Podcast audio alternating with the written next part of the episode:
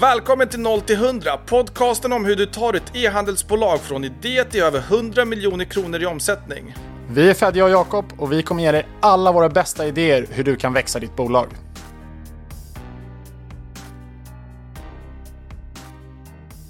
Varmt välkomna tillbaka till ett nytt avsnitt av 0 till 100. Idag har vi med oss en formidabel gäst och Fedja, jag tänker att jag ger dig äran att få introducera våran gäst. Tack Jakob, Nej, men välkommen tillbaka, ytterligare ett avsnitt. Kul att vara tillbaka i poddstudion och den här gången har vi med oss ingen mindre än Elvira Eriksson, grundare av smyckesvarumärket Mockberg. Och vi är så glada att ha dig med. Dels för att eh, Mockberg har gått så bra och du gör ju den här resan 0 till 100 nu. Och dels för att vi har jobbat ihop i snart eller, tre år. Mm, typ, mm, tre år. Men eh, över till dig Elvira. Får, eh, kan du berätta lite om hur, eh, hur och när du startade Mockberg och resan, hur det har gått de här senaste, det har ju gått tio år nu. Du bör, vi, vi får dra en short story på det hela. Vi, vi drar ner det till någon minut eller två. Absolut. Ja, men tack, tack så hemskt mycket. Tack för att jag får komma hit. Vilken ära. Ni är ju ni är så duktiga. Jag är imponerad att ni hinner med och göra den här podden och driva bolag och allt annat, familj och ja, det är imponerande. Eh, så tack för, jag, för att jag får komma hit. Varmt välkommen. Tack. Eh, nej men precis. Eh, tio år. Eh, jag har åldrats både fysiskt och psykiskt på de åren. Ja, det men det har varit... Eh, nej, det är sjukt när man tittar tillbaka. Alltså jag var ju liksom... Jag var ju bara 20 eh, när jag började. Kan du inte eh. gå tillbaka till tiden där när du började? Du gick ju i skolan då. Ja, och hur, exakt. Liksom, hur gick tankarna när du skulle starta bolag mm. samtidigt som du satt i skolbänken? Mm. Alltså så här, jag eh, hade börjat plugga ekonomi då. då eh, och det var på Handels. Och eh, kände väl ganska direkt att så här, shit, alltså, är det här verkligen en plats för mig? Alltså, jag tror att jag följde liksom, ja, men den här klassiska, mina föräldrar är lite som så här, man hör en del utländska föräldrar, du får välja liksom jurist, ekonom, ja. läkare. Och valde ekonom. Och så hamnar man där och så känner man så här, shit, jag känner mig liksom som en så här, ja, jag känner mig så konstig, jag kan inte liksom relatera och jag tycker ekonomi är tråkigt. Och började istället så här, svenskt mode, vilken, eh, vilken grej. Började titta mycket på svenskt mode, på de liksom exporter vi hade på den tiden. Alltså Acne var stort, Filippa K. Och så när man Titta på den branschen så var så här, alltså vart har liksom klockbranschen tagit vägen här? Alltså, mm. jag, för det var så att jag skulle köpa en klocka till mig själv. Och så när jag gick ut i butikerna så var det som att så här, det var som man var tillbaka på 80-talet. Det var liksom eh, stora rosa urtavlor, diamanter, stenar. Och jag fick inte ihop det i huvudet för att liksom, svensk mode hade, det hade sån kraft då, där, tio år sedan. Och, och jag bara kände så här, vart är skandinavisk design i den här branschen? Och framförallt för kvinnor. För jag har ju tre storebröder och de mm. har ju liksom alltid pratat klockor och varit intresserade av klockor. Det finns ju hur mycket snygga killklockor som helst. Verkligen. Så istället då för att fokusera på plugget så började jag tänka på klockor och eh, få liksom för mig att göra en, en egen klocka, designa en egen klocka. Mm. Eh, som man kan få.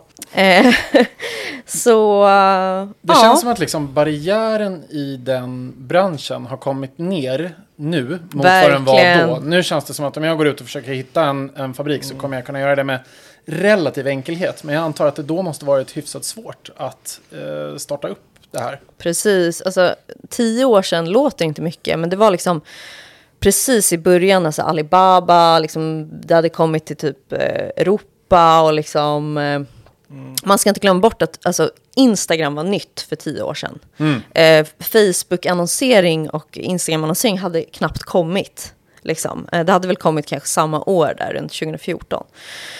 Eh, så absolut, det var svårt, men jag lyckades via... För min bror Daniel då, som jag... Daniel hade eh, så här, tidig entreprenör. Han, han var ännu tidigare, men jag började väl när han var 17 med olika projekt och sådär. Och eh, han hade, han kände faktiskt Filip Tysander. Mm. Eh, vi, och via en kompis. Och via han på något sätt via någon kontakt där, fick jag faktiskt en av deras leverantörer. Mm -hmm. och liksom skrev ett mejl på knackig engelska, liksom, kan ni göra den här ritningen? Eh, och tog mina, vad fick man då, CSN? Fick man 10 000 i månaden eller vad var det? Ja, man hade någon sån där 5 000. Mindre tror jag. Ja, det är fem kanske. Bidrag eller lån. Men det var väl 10 000 Man, man märker att Mockberg har växt nu. Du börjar lite så här, svårt med nollorna. exakt, exakt. Nej, men det var så roligt för att jag vet att jag så här, alltså mina kompisar hånade, för jag hade typ så här i min kyl så att jag åt bara grekisk yoghurt och granola. Och då tog jag alla pengarna och köpte 100, eller jag vet inte om det var 10 eller 20 liksom klockprototyper istället för mat. Oh, wow. Eh, så första batchen liksom. Eh, och eh, i samma veva här så involverade jag ju Daniel eh, mm. som, som kom med. Men det var liksom så här småskaligt i början. Mm. Så, började du liksom började. sälja till vänner och familj där då på mm. skolan? Ja, eller? mina klasskompisar. Så ja. det var liksom handelsstudenter som var de första som hade första Mockberg-klockorna. Härligt ändå. Ja, ja. Uh, och sen så någon gång där, så du tog dig ur skolan, du valde att inte fortsätta plugga. Och vad hände sen då mellan, typ när gick du ut skolan?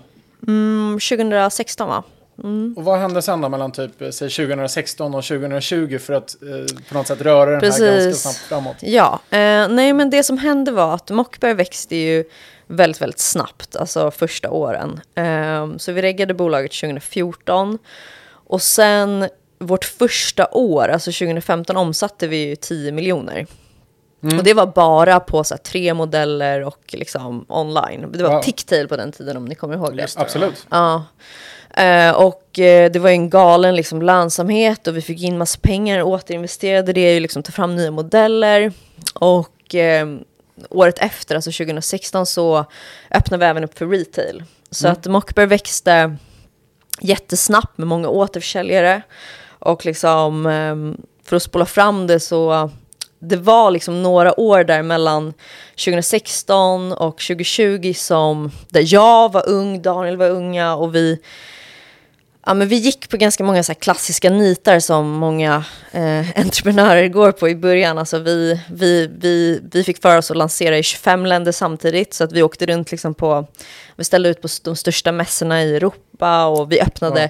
massa nya marknader. Alltså vi, eh, alltså, så här, som exempel, Mockberg var ett av Kinas snabbast, snabbast växande klockmärken 2018. Vi hade ett kinesiskt registrerat bolag. Eh, Helt galet. Och du vet, du vet så här, men den här typiska så här, när det går för bra, för fort, så att du bara springer på mm. utan plan eller liksom... Eh, ja, men, det gick alldeles för fort helt enkelt. Mm. Och... Mm. Eh, finns ju ett annat stort klockvarumärke i Sverige som eh, det också gick bra för i Kina som det gick väldigt, väldigt snabbt för och sen har haft lite mer utmanande på sista tiden. Precis, exakt. Eh, och vi, vi kunde ju åka en del på deras våg. Eh, och det fanns ju ett sug efter nya, den nya Daniel Wellington, så det är såklart ja. att det öppnade ju många dörrar för oss. Och det var häftigt att liksom, jag var ju bara 23 år, jag fick ju resa runt jorden, jag var i Japan och hade liksom influencer-event och liksom vi hade en egen pop-up på Isitan som är ett av liksom, ja, Japans mest exklusiva varuhus och så här, saker som känns overkligt idag, mm. så här, shit fick man vara med om det och uppleva det liksom, det drömmer ju folk om. Det, det, speciella här är att det, på ett sätt låter det lite som att du pratar om ett företag som eh, typ försvann under it-bubblan. Ja. Samtidigt som det här fortfarande är det företaget som du driver idag. Fast det är så mycket annorlunda på något sätt också. Att så här, det, jag tror att det är det jag kommer komma till. Men det som hände sen då var att runt 2018 så var ju tanken att vi skulle omsätta, jag tror att vi hade i budget så här 60 miljoner tror jag var eller någonting, mm. om alla våra distributörer skulle köpa in det som var planerat. Mm. Men det som hände var att DV hade ju satt en ny retail-strategi, så de öppnade egna butiker och sa upp eh, nästan alla sina distributörer. Och det var ju också våra distributörer. Mm. Så att det som hände var att distributörerna hade inte råd att ha kvar oss som kund. Så de, fick, de kunde inte köpa in liksom det de hade lovat, eller de var tvungna att säga upp oss. Så det var egentligen inte det att Mockberg var dåligt på något sätt, eller liksom, utan vi blev liksom uppsagda. Mm. Samtidigt då hade ju vi lagt en, en order motsvarande 25 marknader. Wow. ja, så kan du tänka dig när vi liksom hade så här, ah, okej, okay, planen var att liksom sälja det här i 20 länder och vi hade så här fem kvar kanske.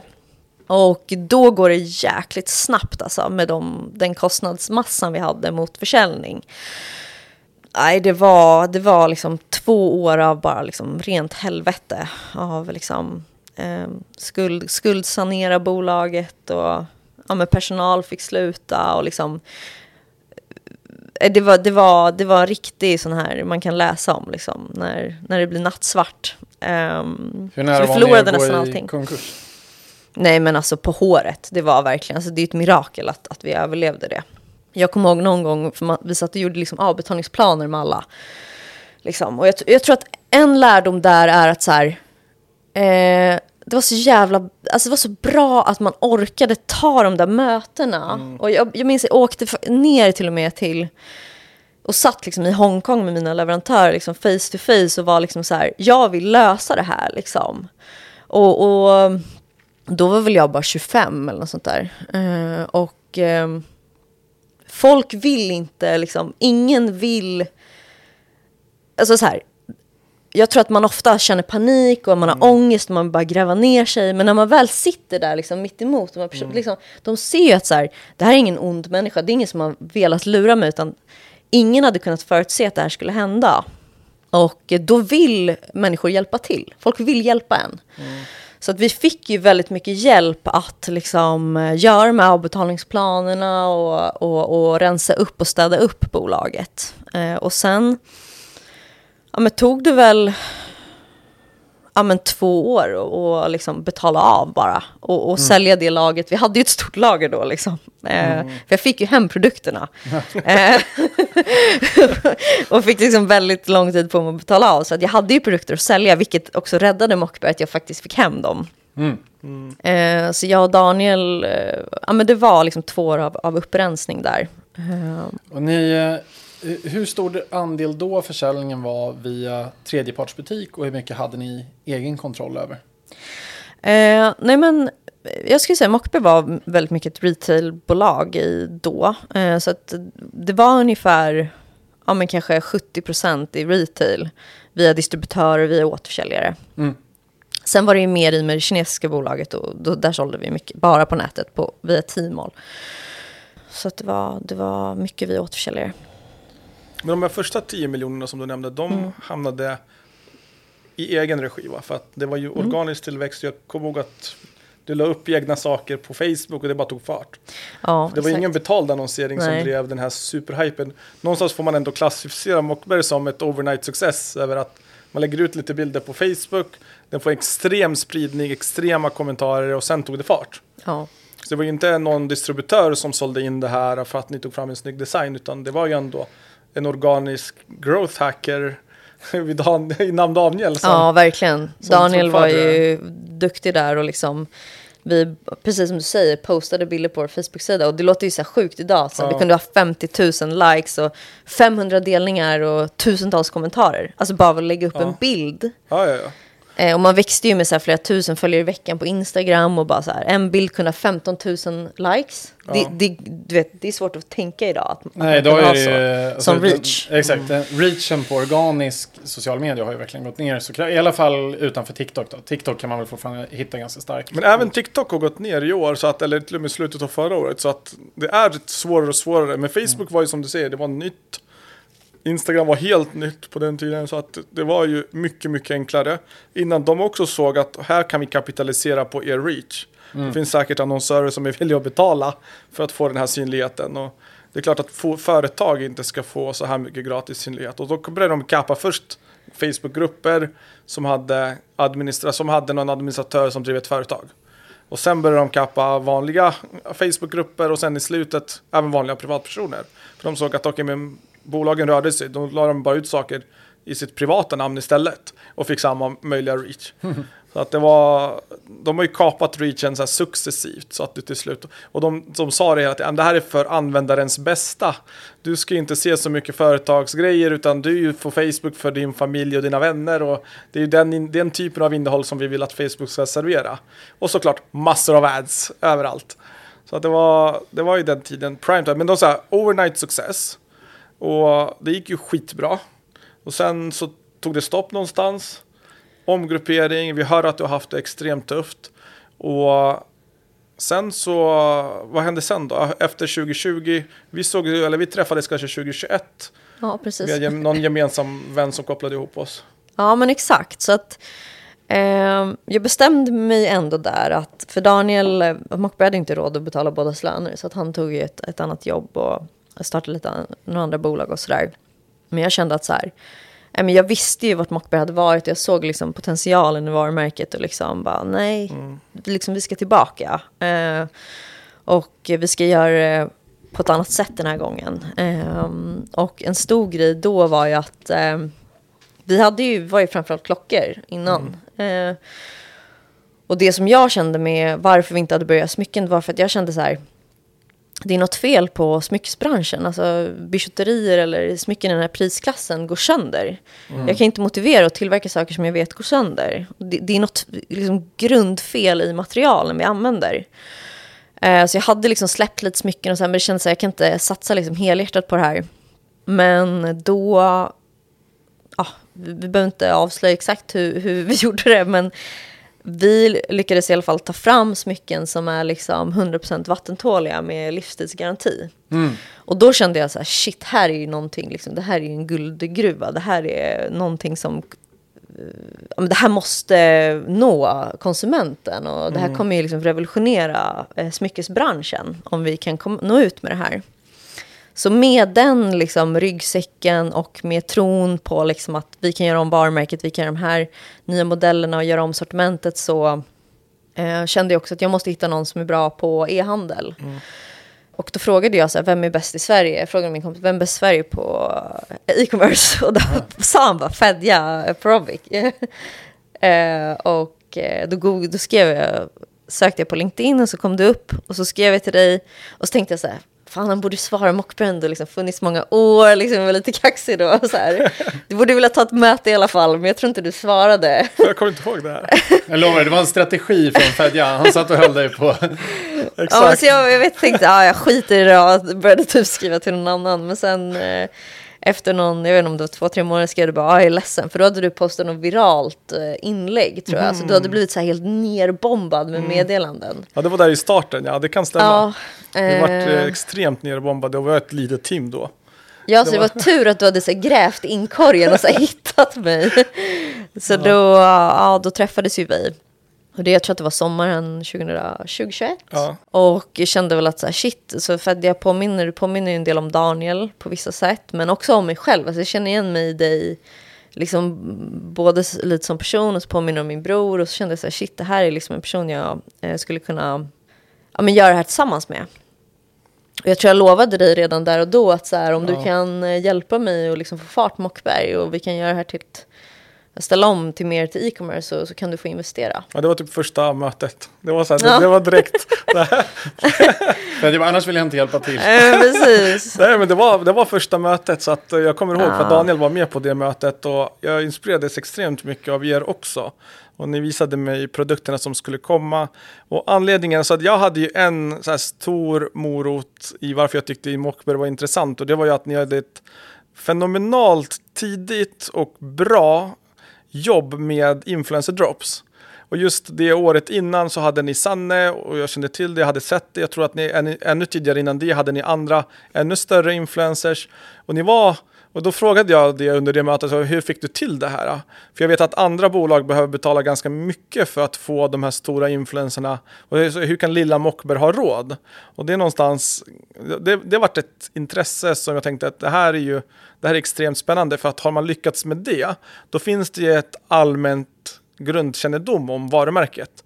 Och även med den här resan som ni gjorde innan, som du precis berättade om i podden, och att det finns ju många kvinnor som har upplevt eller testat eller, eller haft eller ägt någon typ av Mockbergklocka innan.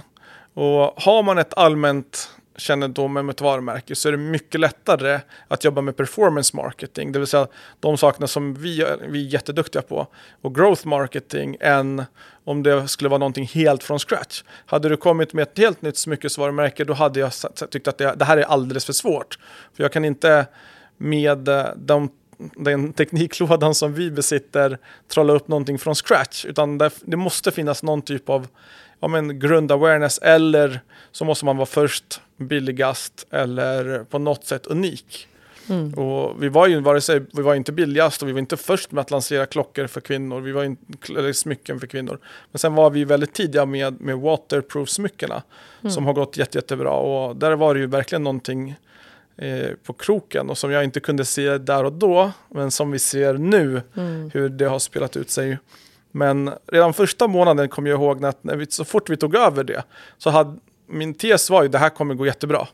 Jag ser på siffrorna att jag har inte sålt så mycket. Och första månaden, första veckan vi tar över var tio dubbla omsättningen med ganska enkla medel. För då var det så att alla basics behövde göras rätt. Mm. All performance behövde sättas upp, kontot struktureras om, driva saker till rätt sida. Och så såg vi på en gång att första månaden vi säljer för flera hundratusen mer än vi sålde innan. Och då tänkte jag, okej, okay, men här är vi, vi är på rätt spår. Nu behöver vi bara strukturera upp det här och göra rätt. Och det var väl det som, eh, som var hur, hur jag tänkte från vår sida. Att okay, men det här kommer bli ett bra samarbete. Det här var någon gång typ juli, augusti 21 eller något sånt eller? Precis, juli, juli mm. skulle jag säga, juli 21. Och sen uh, i september 21 så kopplade vi in Domanta som var partner på Probic Group i den tiden. Och vad, vad gjorde ni i omsättning 21? men det var inte det var kanske 12 miljoner va? Ja, det var en, ja, något där. Kanske till och med, var det mindre kanske? Nej, jag tror att det var 12. Ja. Mm. Och vad tog ni er till sen 22? 23 miljoner. Och nu 23 stänger ni på? Jag vet inte om det var 61 eller precis under 61. något där. Men där, där i krokarna i alla fall. Ja. Det är en väldigt, väldigt häftig ja. tillväxtresa. Alltså. Så först 100 procent och då tänker man att när man, liksom, när man blir större då ska ju procenttalen bli svårare mm. någonstans. Mm. Men istället så motbevisar ni det och, och växer liksom 200 procent. Mm. Eh, mm, galet, overkligt. Det jag tycker var mest intressant med den tillväxten är att lönsamheten hänger med. Utan den, eller hänger med, den, den mångdubblas från väldigt mm. små siffror till, till väldigt bra siffror. Vet du vad, eh, för nu har ni stängt böckerna och vet du ungefär vad ni landade på? Eller är det helt klart? Eh, ja, men vi, eh, jag vet inte om du såg sista, men eh, runt 5 miljoner i vinst på sista raden. Men då har vi kunnat skriva av en del gammalt lager och sådär.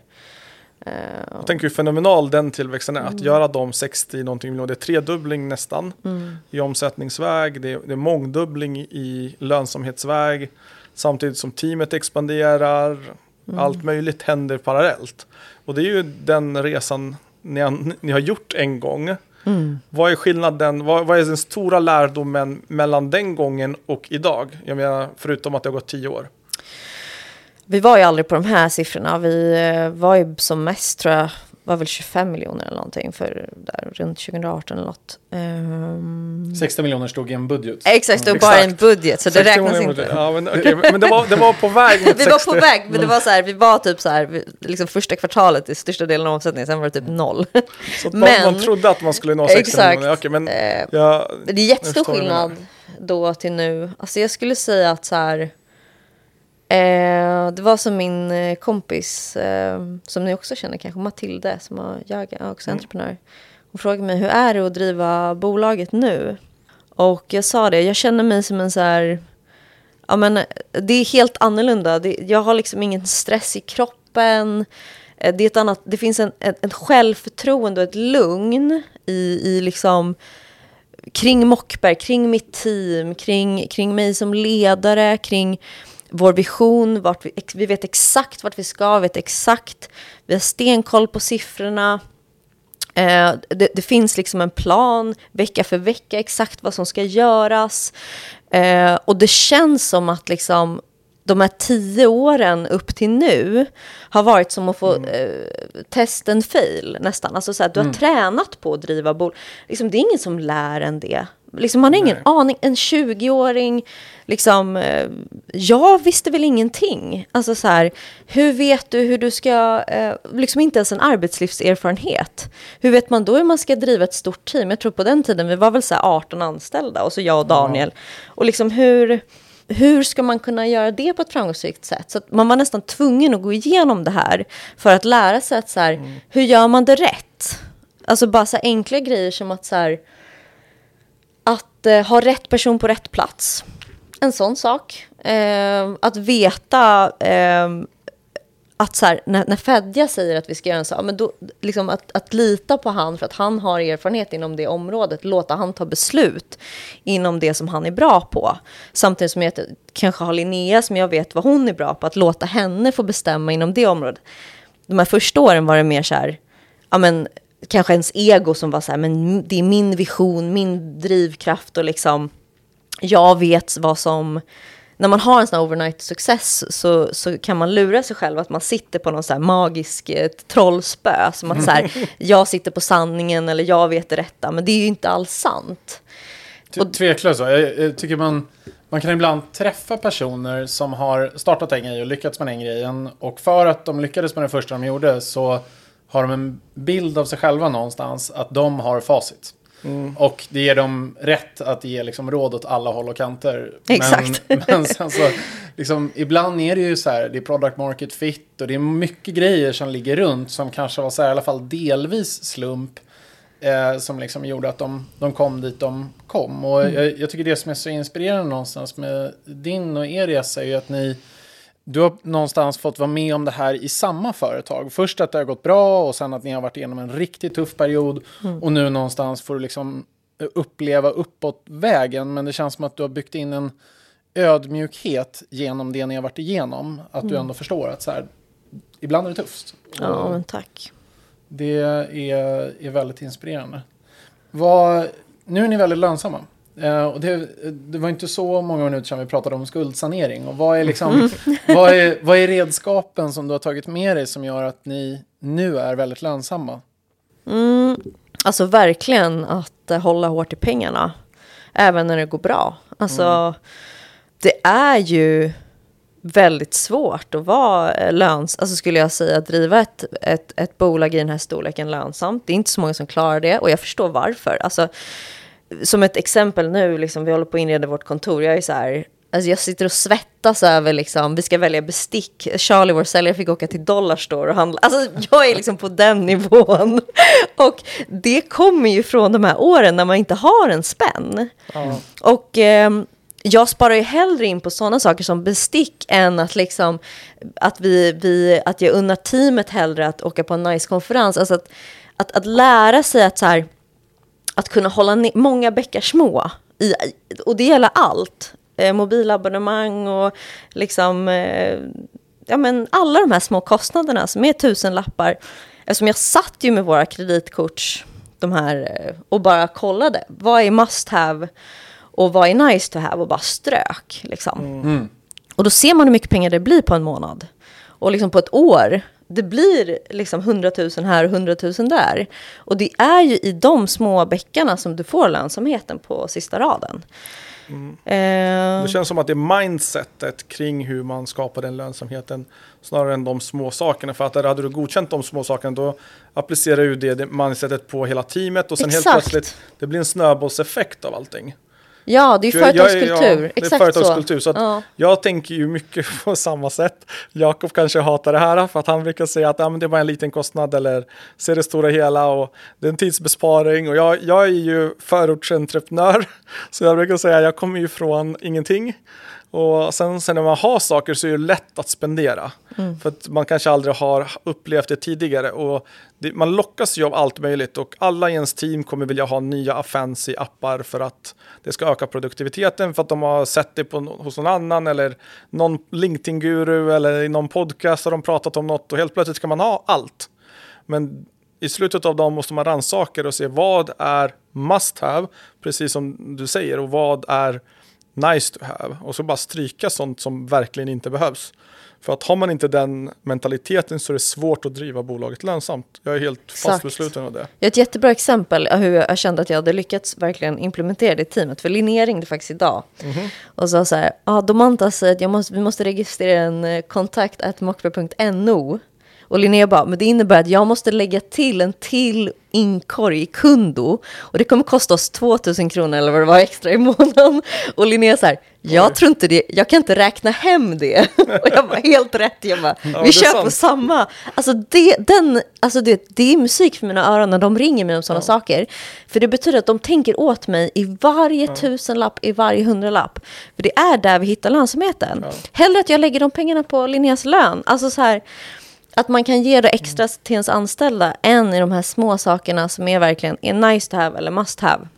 Och hur tänker du när du bygger ut teamet? Givet att du har varit igenom ett varv när ni var ganska många, då, du nämnde 18 personer och ni reducerade säkert teamet i storlek då med, med ganska mycket kan jag tänka mig. Och nu måste ni istället någonstans vara på en expansionsresa vad det gäller teamstorleken. Och hur tänker du där? Är det liksom, peggar du det mot eh, omsättningen på ett eller annat sätt? Eller är du väldigt så här funktionsstyrd och du säger att men nu behöver vi verkligen någon som gör det här och så anställer ni efter det? Eller hur går, hur går tankarna? Eh, ja, men precis. Alltså jag tänker, nu är det Linnea som är allas eh, chef, så att, och vi tänker så här att vi bygger ju verksamheten runt de här personerna. Och eh, vi kommer inte lägga till någon, vi, vi tittar inte så här, okej, okay, då kanske vi behöver anställa fyra personer till, utan det är så här, vi pratar med varje person och säger så här, vad behöver du för att lyckas med målen?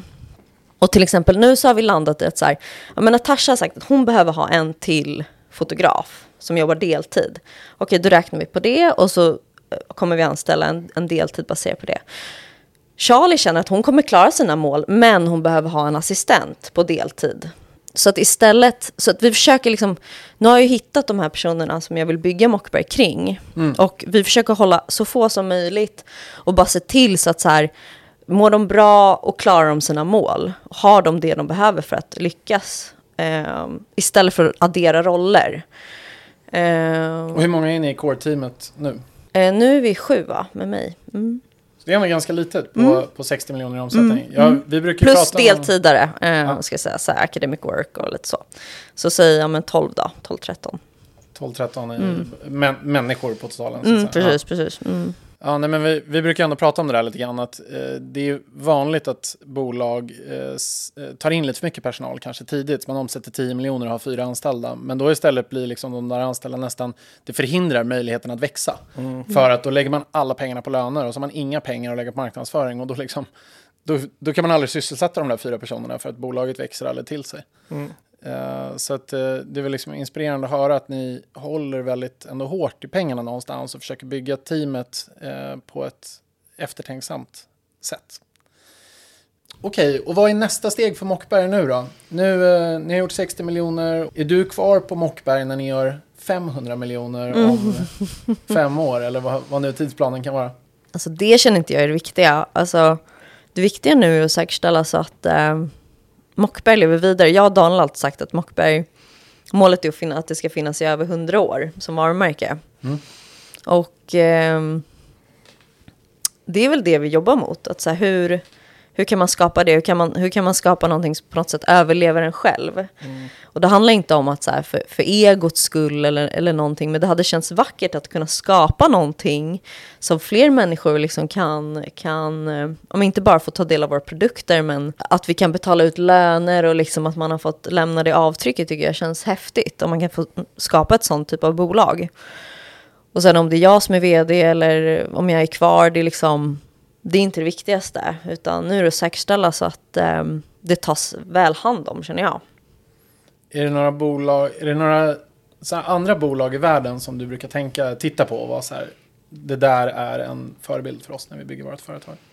Alltså jag är ju ganska nyligen, jag ringde, jag ringde Daniel här för någon vecka sedan och bara, jag, liksom, jag ser det framför mig nu. och eh, ni vet Pandora. Mm -hmm. Det är ju ett häftigt liksom, varumärke. Eh, som liksom har ju sin unika position. Eh, och jag tror att Mockberg har en chans, i och med att vi också vi kommer ju satsa mycket på labbodlade diamanter i år och guld och sådär. Vi tillverkar det i Sverige. Mm. Eh, och eh, jag ser ju ett skifte också i hur min generation handlar guld och diamanter och smycken och klockor generellt. Och hur det finns en chans för Mockberg att ta en sån position, alltså på riktigt i Sverige, som liksom the go-to liksom, plats för, för den här typen av produkter. Um, för liksom, nya generationen. För det känns som att det liksom är en... Vi, vi går in i en ny era med, liksom, där min generation kanske kräver något annat än det som har, har funnits alltså, tillgängligt till exempel i Europa eller Norden. Um, och eh, lyckas vi med det, då skulle Mockberg kunna bli liksom, som ett nytt Pandora. Mm. Mm ja, det är spännande. Vad, vad tror du Fadja? Du är ju också delägare i Mockberg. Nej, alltså jag, när vi kollar på brands vi, vi inspireras av, jag tycker Pandora, Swarovski, Tiffany, det finns många legendariska fina varumärken som har en unik position och har hittat sin nisch. Jag tycker Mockberg är inte där, men vi är där. Vi, vi har också hittat vår nisch. Vi vet liksom, det här är vår core-målgrupp. Vi vet hur vi ska nå den målgruppen väldigt kostnadseffektivt, skapa ett sånt sug efter produkterna och få produkterna att leva vidare. En, en nackdel kanske är att vi inte har så mycket återkommande kund eftersom produkterna fungerar så länge. Men sen kommer de ju tillbaka och köper andra saker. Men jag menar, det är ju inte ett refill eller eh, en subscription-modell. Och där har vi pratat mycket om nya marknader. Jag tycker vi har lyckats fenomenalt bra sista två, två och ett halvt åren i Sverige. Vi har funkat väldigt bra i vissa, på de vissa av de lanseringar som vi har gjort utomlands också. Men där gäller det ju, och ska vi prata Pandora, att vi knäcker nöten för ett ännu större land, typ USA. Och jag vet att vi har pratat mycket om det. Du var i USA, besökte USA och har gjort mycket research kring det. Så att, eh, och det finns ju stor potential. Vi säljer ju redan idag till, till USA. Väldigt kostnadseffektivt och vi ser att det fungerar. Så att det gäller ju att skala upp det som vi vet fungerar och fokusera på core. Det är, eh, det är nog den, en av de svåraste grejerna som e-handelsbolag glömmer bort sig i. Att man börjar lansera saker, utvidga, eh, anställa människor och eh, tänka väldigt mycket kring att vi ska skapa ett brand med fina annonser. Men de fina annonserna i, i sikt glöms bort. Så det är ingen som kommer ihåg när annonsen du körde förra sommaren. Jag kommer inte ihåg vad jag åt till frukost igår. Jag kommer inte komma ihåg vad jag scrollade på TikTok eller Instagram. Så att eh, någonstans bygga väldigt, väldigt bra produkter som håller en livstid tycker jag är en bra vision jag kan skriva under på. Det är väldigt sustainable. Det, det hållet som Mockberg rör sig åt är ju extremt fint skulle jag säga. Bra för, bra för människan, bra för mm. planeten. Bra för, bra för allt. Och det blir ett bra, det finns en bra nisch i det. Och, och kan vi ta den positionen så tror jag att Exakt. vi lyckas. Precis. Jag brukar ju ha som eh, sån här käpphäst att ett enhetsbolag måste eh, liksom vara bra på tre grejer. Och det är dels, eh, man måste ha en okej okay average order value, ni har en utmärkt average order value. Mm. Man måste ha bra grossmarginaler, ni har utmärkta grossmarginaler. Och även om du säger att det inte är så mycket återkommande kund så är det ganska mycket återkommande ja. kund skulle jag säga. Så att, och liksom, jag brukar alltid säga att har man två av de här tre, då kan man driva ett framgångsrikt e-handelsbolag. Så kan man liksom jobba på att täcka upp sitt gap i den tredje. Mm. Men har man bara en av de där tre, då tenderar det att bli väldigt, väldigt svårt att få ett e-handelsbolag att bli framgångsrik. Liksom. Och har man alla tre då, då brukar det verkligen kunna ta fart. Jag kan ta tillbaka det. Vi har, naturligt återkommande kund finns ju inte eftersom du, det tar inte slut på produkten. Men vi har en, en väldigt hög andel återkommande kund av kunder som har handlat tidigare. Men eftersom vi köper eller vi, vi får så mycket nya kunder, i alla fall online-kunder som kanske har handlat Mockberg fysisk retail någon gång för många år sedan. Men för oss är de nya i Shopify. Ja. Så, så syns det inte på samma sätt i och med att du drunknar i att du har, du har tredubblat omsättningen. Det är klart att under året så är det majoriteten är ny kund. För du, du är så liten när du går in i året. Även om alla hade kommit tillbaks så är det bara en tredjedel av omsättningen. Exakt. Nej, nej, jag, jag vet. Och jag, jag försökte även prediktera Mockbergs antal återkommande kunder vet jag under november och eh, undersköt vad ni faktiskt lyckades åstadkomma. Så att, eh, jag vet att det är mycket återkommande kund. Mm. Uh, ja, men härligt. Är det någonting mer sådär som vi, vi borde täcka här i resan framåt? Vad är liksom, vad, du säger nu att du känner dig ganska lugn och trygg i var Mockberg befinner sig. Men vad, vad tänker du på liksom i duschen på morgonen när mm. du ska gå till jobbet och bara, ah, det där måste vi knäcka idag? Ja, men jag ser min roll väldigt mycket, jag har ju otroligt duktiga människor som sköter mycket av driften just nu. Mm. Och min roll är mycket liksom att, att liksom bara hela tiden påminna om visionen och vart vi ska och liksom pusha på liksom framåt. Och eh, som jag ser det eh, så behöver vi ju ja, men vi måste fortsätta ta fram bra produkter. Att man får inte bara för att det har gått bra liksom luta sig tillbaka och, och slapp, liksom slappna av på det, utan alltså, vi är aldrig bättre än vårt liksom, senaste släpp. Så att eh, vi måste fortsätta innovera, fortsätta liksom, ha ett öra mot marknaden och liksom inte kompromissa alltså med liksom, vare sig design eller kvalitet eller liksom det här löftet som vi har gett våra kunder. Fortsätta vara relevanta jag tänker mycket på sådana saker och liksom försöker påminna teamet om det. Liksom att eh, titta på våra konkurrenter, liksom, vad gör de? Eh, var kritiska mot sig själva. Är, liksom, det, är det här det vi gör? Är det de här sakerna vi har sagt? Alltså, är det hållbart? Är det liksom affordable? Och, och är det snyggt? Um, men är målet att, så att säga, fortsätta på en premiumifieringsresa med Mockberg? Alltså jag tänker, ni, du nämnde ju labbodlade diamanter mm. till exempel tidigare och även om det kan vara affordable relativt vad man får så mm. rör man ju sig ganska naturligt upp i prispunkt. Ja, alltså det är ju affordable luxury vi jobbar med. Så att, eh, och det är ju hållbara produkter. Eh, och du, du är beredd att lägga lite mer pengar för att mm. få en produkt som verkligen håller. Men så som jag ser det med labbodlade diamanter, att det blir nästan som en, jag vill nästan se det som en, det vi ska göra med guld och labbodlade eh, är ju, det blir som en egen kategori tycker jag av guldsmycken. För att mm. man kan komma ner så pass mycket pris på det. och och eh, även om det är klart dyrare än det andra så är det inte liksom så mycket dyrare. Alltså, det är inte superpremium prisklass. Mm. Så att vi håller oss ändå där inom affordable luxury-segmentet. Det känns ju som att labbodlade diamanter verkligen har exploderat i USA med, med ganska många olika DTC-spelare mm. också. Medan i Europa, eller åtminstone i Sverige, liksom, det är inte så att jag bemöts av särskilt mycket reklam i det spacet. Så det, det känns verkligen som en marknad ni potentiellt skulle den kunna liksom tappa in i. Och jag brukade alltid vi med, med Juniper när människor kommenterade på annonser när vi var tidigt i vår resa och så kommenterade människor och sa så här usch vad dyrt det är liksom. Och, så, och då är det alltid lite den där att man är så här jo ja, är det dyrt då liksom? Det, det är ganska prisvärt i förhållande till det man får men det kanske är dyrt relativt vad du brukar vilja betala för det här. Men mm. om du får köpa en Porsche för 400 000 kronor, 400 000 kronor är jättemycket pengar. Mm. Men om den brukar säljas för 1,4 miljoner kronor, då, då är det ju inte dyrt per se längre. Liksom. Och det är lite den där som är kanske det luriga i kommunikationen runt eh, pris när man börjar röra sig uppåt i prisklass. Att det är samma, vi är affordable luxury, men... Precis, exakt. Mm. Um, men för, för det som jag tycker ska bli spännande att se är att så här, jag tycker att det finns en förvirring alltså, hos en del aktörer som säljer både labbodlade och naturliga diamanter idag. Mm. Att det, det, finns en risk att kunden luras eller liksom, mm. det blir en, för folk förstår inte riktigt skillnaden. Och där ser jag liksom en jättestor potential att liksom återigen liksom vara ärlig mot eh, konsumenten och förklara att exakt det är det här du köper och därför betalar du det här. Eh, för att jag märker det att eh, typ bland mina vänner och sådär att kunskapen är väldigt låg. och det känns spännande att så här, vi kan vara det varumärket som helt transparent liksom berättar exakt vad du köper och varför det kostar som det gör. Och du får det liksom väldigt kostnadseffektivt hos oss och det är liksom tillverkat i Sverige. Och, ja, det är jäkligt spännande. Jag tror det kommer bli väldigt stort för, för oss. sen kan man ju också säga den stora skillnaden för att de säljer båda diamanttyperna, men den ena är avsevärt mycket dyrare. De kallar den bara, vad, här, hur namingprocessen går i branschen är natural diamonds lab-grown unnatural diamonds. Man blir så här, okej, okay, naturligt, det är klart att naturligt är bra, ekologiskt är bra. Man är ju, man är ju inne i, när man tittar på food, och i det segmentet så klart att, ja men det är klart jag ska gå på nat, nat det är natural, det kommer hålla längre eller whatever.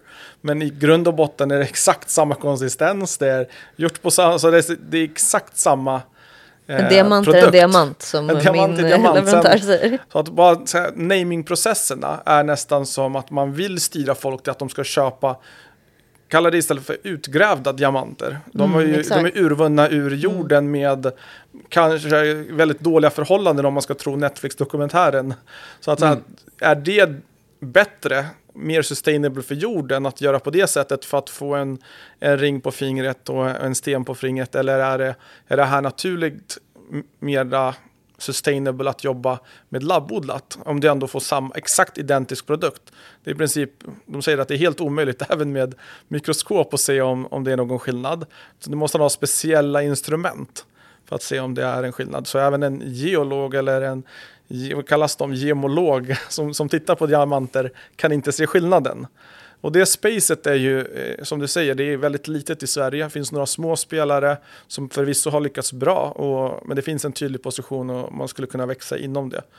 Eh, men om, om man tar här utmaningarna, för du, du, Mockberg har ju vuxit minst lika fort, om inte fortare, än vad, vad det gjorde under den tiden som, som det gick jättefort fram då. Mm. Om vi går tillbaka till lärdomar, vad kan vi vad kan vi säga till andra entreprenörer? För podden heter ju någonstans 0 till 100. Ja, Mockberg kommer göra 0 till 100 om man ska tro budgeten för i år som förvisso håller januari, februari. Det går ju väldigt bra. Om man förvisso eh, håller budgeten så kommer vi göra 0 till 100. Vad blir det då från 2021 till 2024? Man får se att det här är väldigt fort. Ja, och väldigt absolut. lönsamt. Men med en historia i alla fall av ett varumärke. En ryggsäck. En ryggsäck liksom. Ett bagage kunde man kalla ett det för. Ett bagage. Eh. Men också en positiv ryggsäck någonstans. Det fanns en varumärkeskännedom i alla fall. Liksom. Så det, men det är väldigt snabbt, onekligen. Mm. hur man än mäter och vänder så är det väldigt, väldigt fort. Några här, pointers, tips. Jag, jag hör ju att du steppar tillbaka mycket mer, är mer reflekterar mer över din affär, businessen, visionen, präntar in varför mot alla anställda hela tiden. Mm. Du samlar rätt människor skulle jag ändå vilja säga. Jag tror att eh, ekonomistyrning är en av dina allra största styrkor, men även Mockbergs största styrkor. Jag får typ ett mail en dag innan året är slut. Så här kommer året sluta. Så här, det här är våra, vi är klara med årsredovisningen typ. alltså det var inte exakt, men alltså, vi, vi är typ klara med alla siffror. Så här går det. Månad för månad får jag de rapporterna. Och när året inte ens är avslutat så får jag så här, det här kommer vi stänga året på. Jag bara, ja men fantastiskt alltså att man kan ha sån ekonomistyrning. Ja. För det är, vi, vi pratade om det innan podden, när vi försnacket här, men det är otroligt viktigt att ha koll på sina siffror. Jag menar, Mockberg har stenkoll på, på TB1, TB2, TB3. Har stenkoll på hur mycket kan man spendera i annonsering, hur mycket ROI behöver vi få ut av hela egentligen marknadsmaskineriet.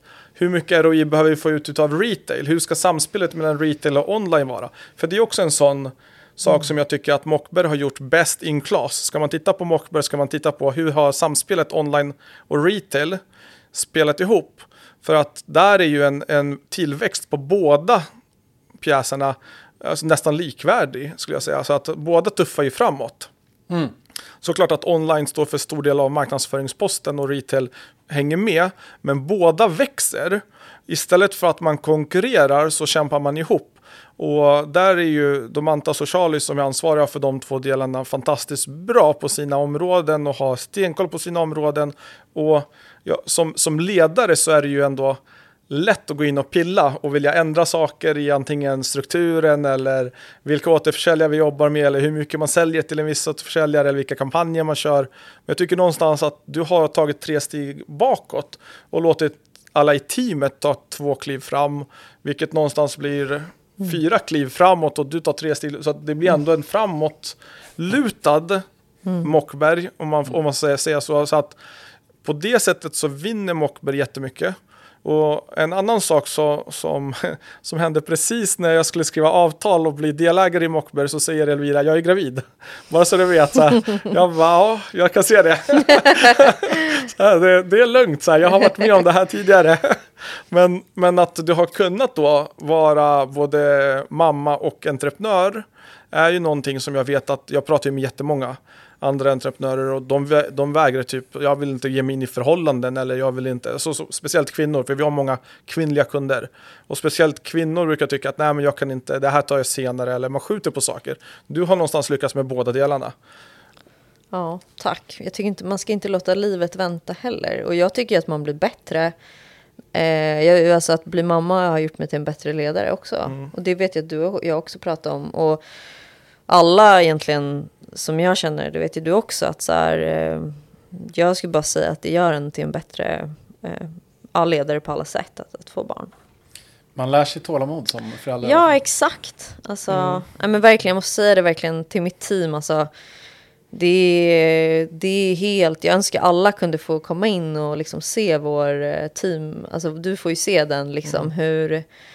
Ibland känns det som att liksom, tjejerna som jobbar på Mockberg är mer... Eh, nästan tänker mer på Mockberg än vad jag gör. Och, och det är ju ett betyg på att så här, vi har verkligen gjort någonting rätt liksom, internt för att skapa den motivationen. För att om, så om man ska ge något tips är att så här, alltså underskatta inte att, alltså så här, dels produkterna, du kommer ju aldrig lyckas om du inte har bra produkter. Mm. Men att, att klara av att jobba med det själv om du inte klarar av att vara, bra led, vara en bra ledare måste du hitta någon som kan vara det. För att det är ju verkligen teamet som skapar framgången. Mm. Alltså, du kan som ledare eller som grundare kan du bara finnas där och visa, vara tydlig med din vision. Vart ska vi? Och hjälpa till och se till så att de har det de behöver. Men liksom, det är omöjligt att, att, att, göra allting själv. Man är inte bra på allt själv. Eh, så att, att hitta de människorna, att bli en duktig liksom, människokännare och eh, låta dem få mycket frihet, ansvar och motivation eh, är ju liksom verkligen hemliga receptet skulle jag säga. Hur, vad, har liksom, vad tar du till för redskap för att driva din egna personliga utveckling? Lyssnar du på poddar eller läser eller? Ja, mycket naturen faktiskt. Ja. Jag, flytt, eller, alltså, jag har gjort sånt också. Ju. Mm. Mycket sånt. Så här, traditionell sån här hälsa, resa och jag håller på mycket med kost och meditation och allt sånt där.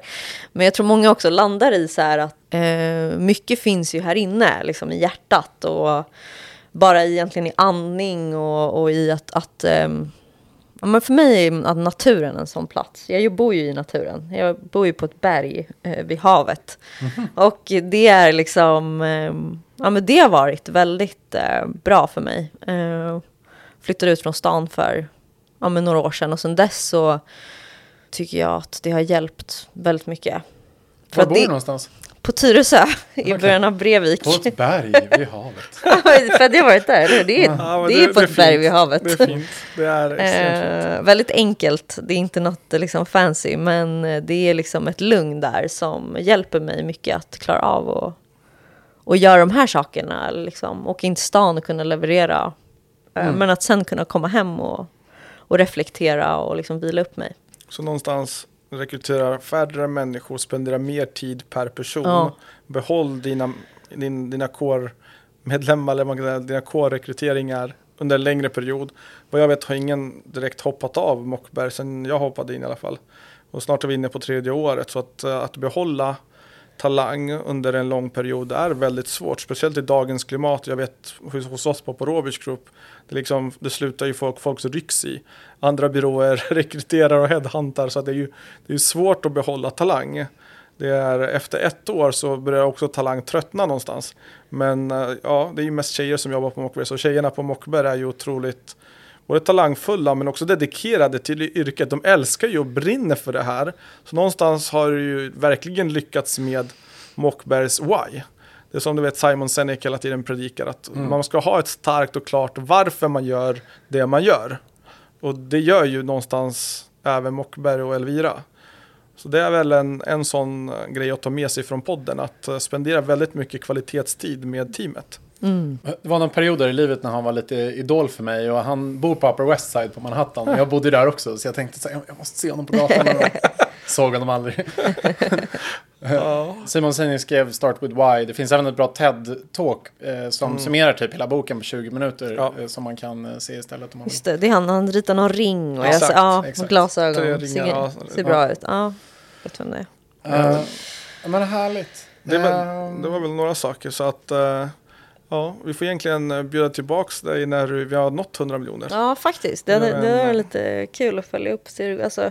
Kommer se Fedja springa runt här som en liten Duracell-kanin om ni liksom är på väg mot 99 i, eh, i mm. slutet mm. på året. Och då kommer Fedja be hela kontoret och köpa klockor. Ja, exakt. Jag höll på att göra det faktiskt i förra året i december när vi såg att vi är, fan, vi är många miljoner ifrån 60 och det skulle vara så kul att bara nå 60 ja. tänkte jag.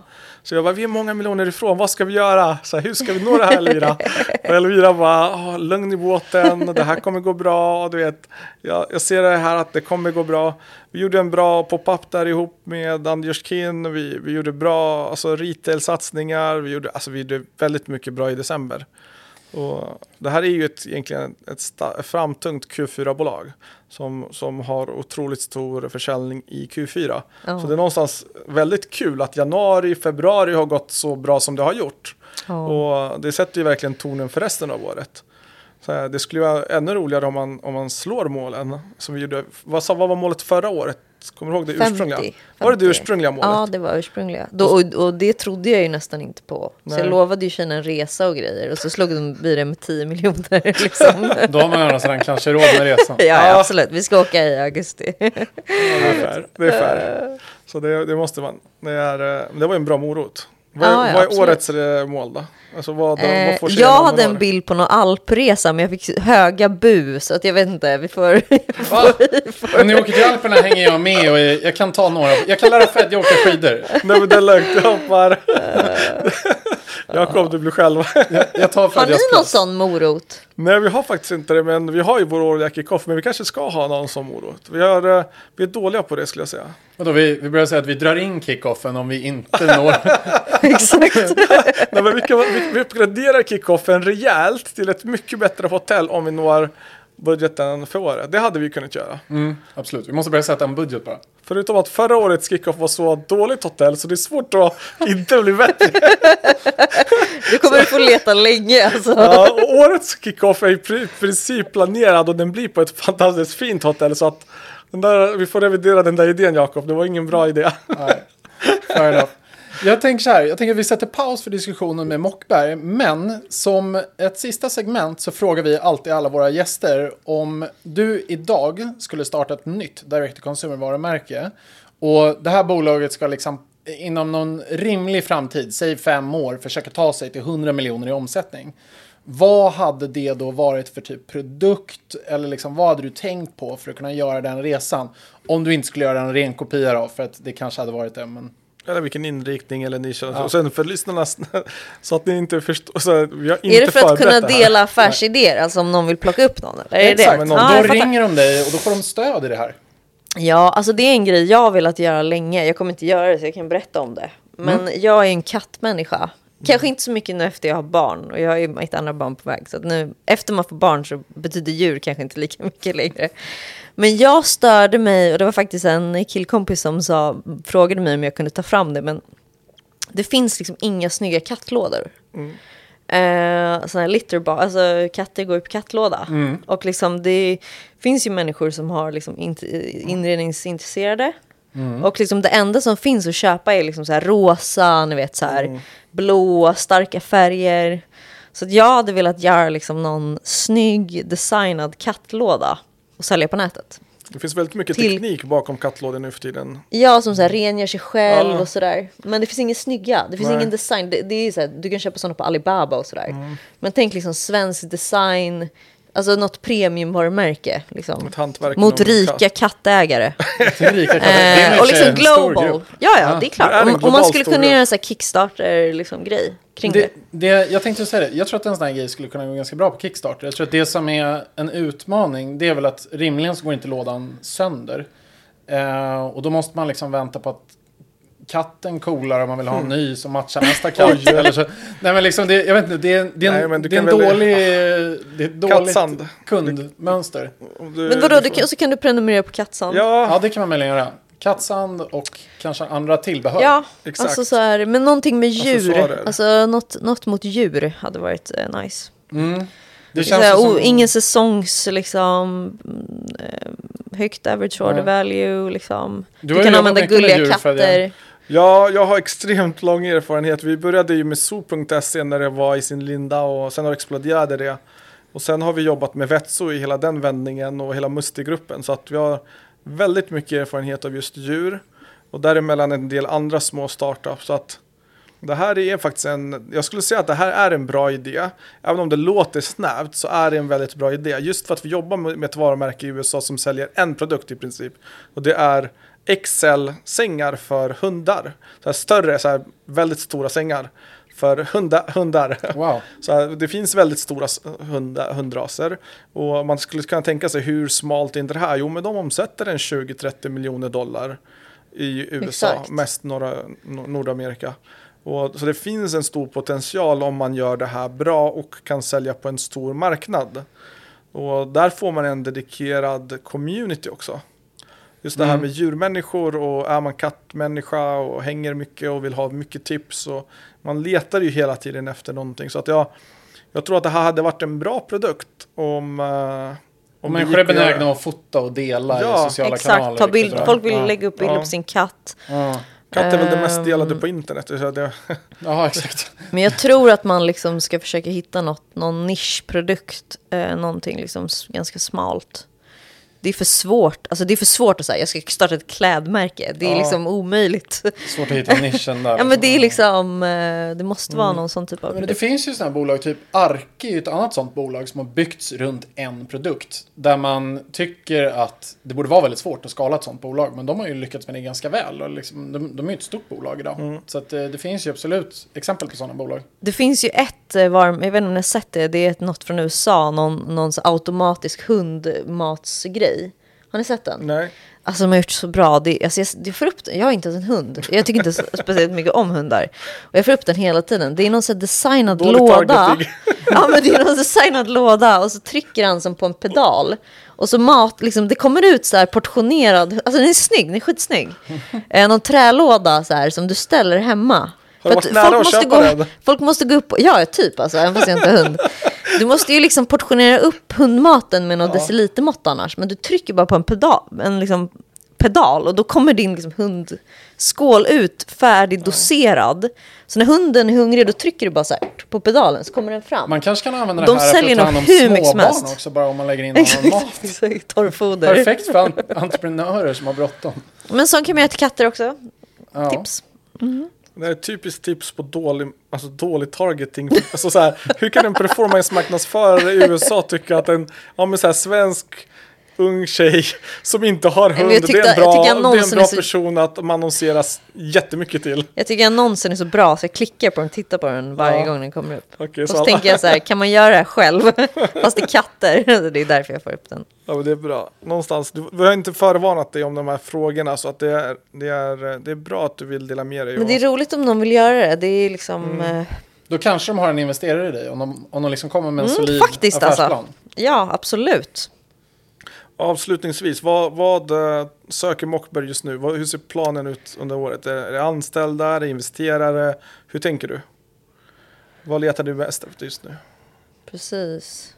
Men uh, jag letar inte speciellt mycket. Tillväxt? Uh, ja, alltså nej men uh, vi ska ju, vi ska ju, ut, vi ska ju lansera i Tyskland nu. Så jag ska ju till Tyskland nästa vecka. Ställa ut på mässa. Så vi letar Sen... efter distributörer och agenter distributörer i Europa. Ja. En tysk country manager. Ja, jag vet inte. En tysk distributör eller tysk PR-byrå. Alltså människor, svenskar kanske med liksom mycket kontaktnät i Tyskland.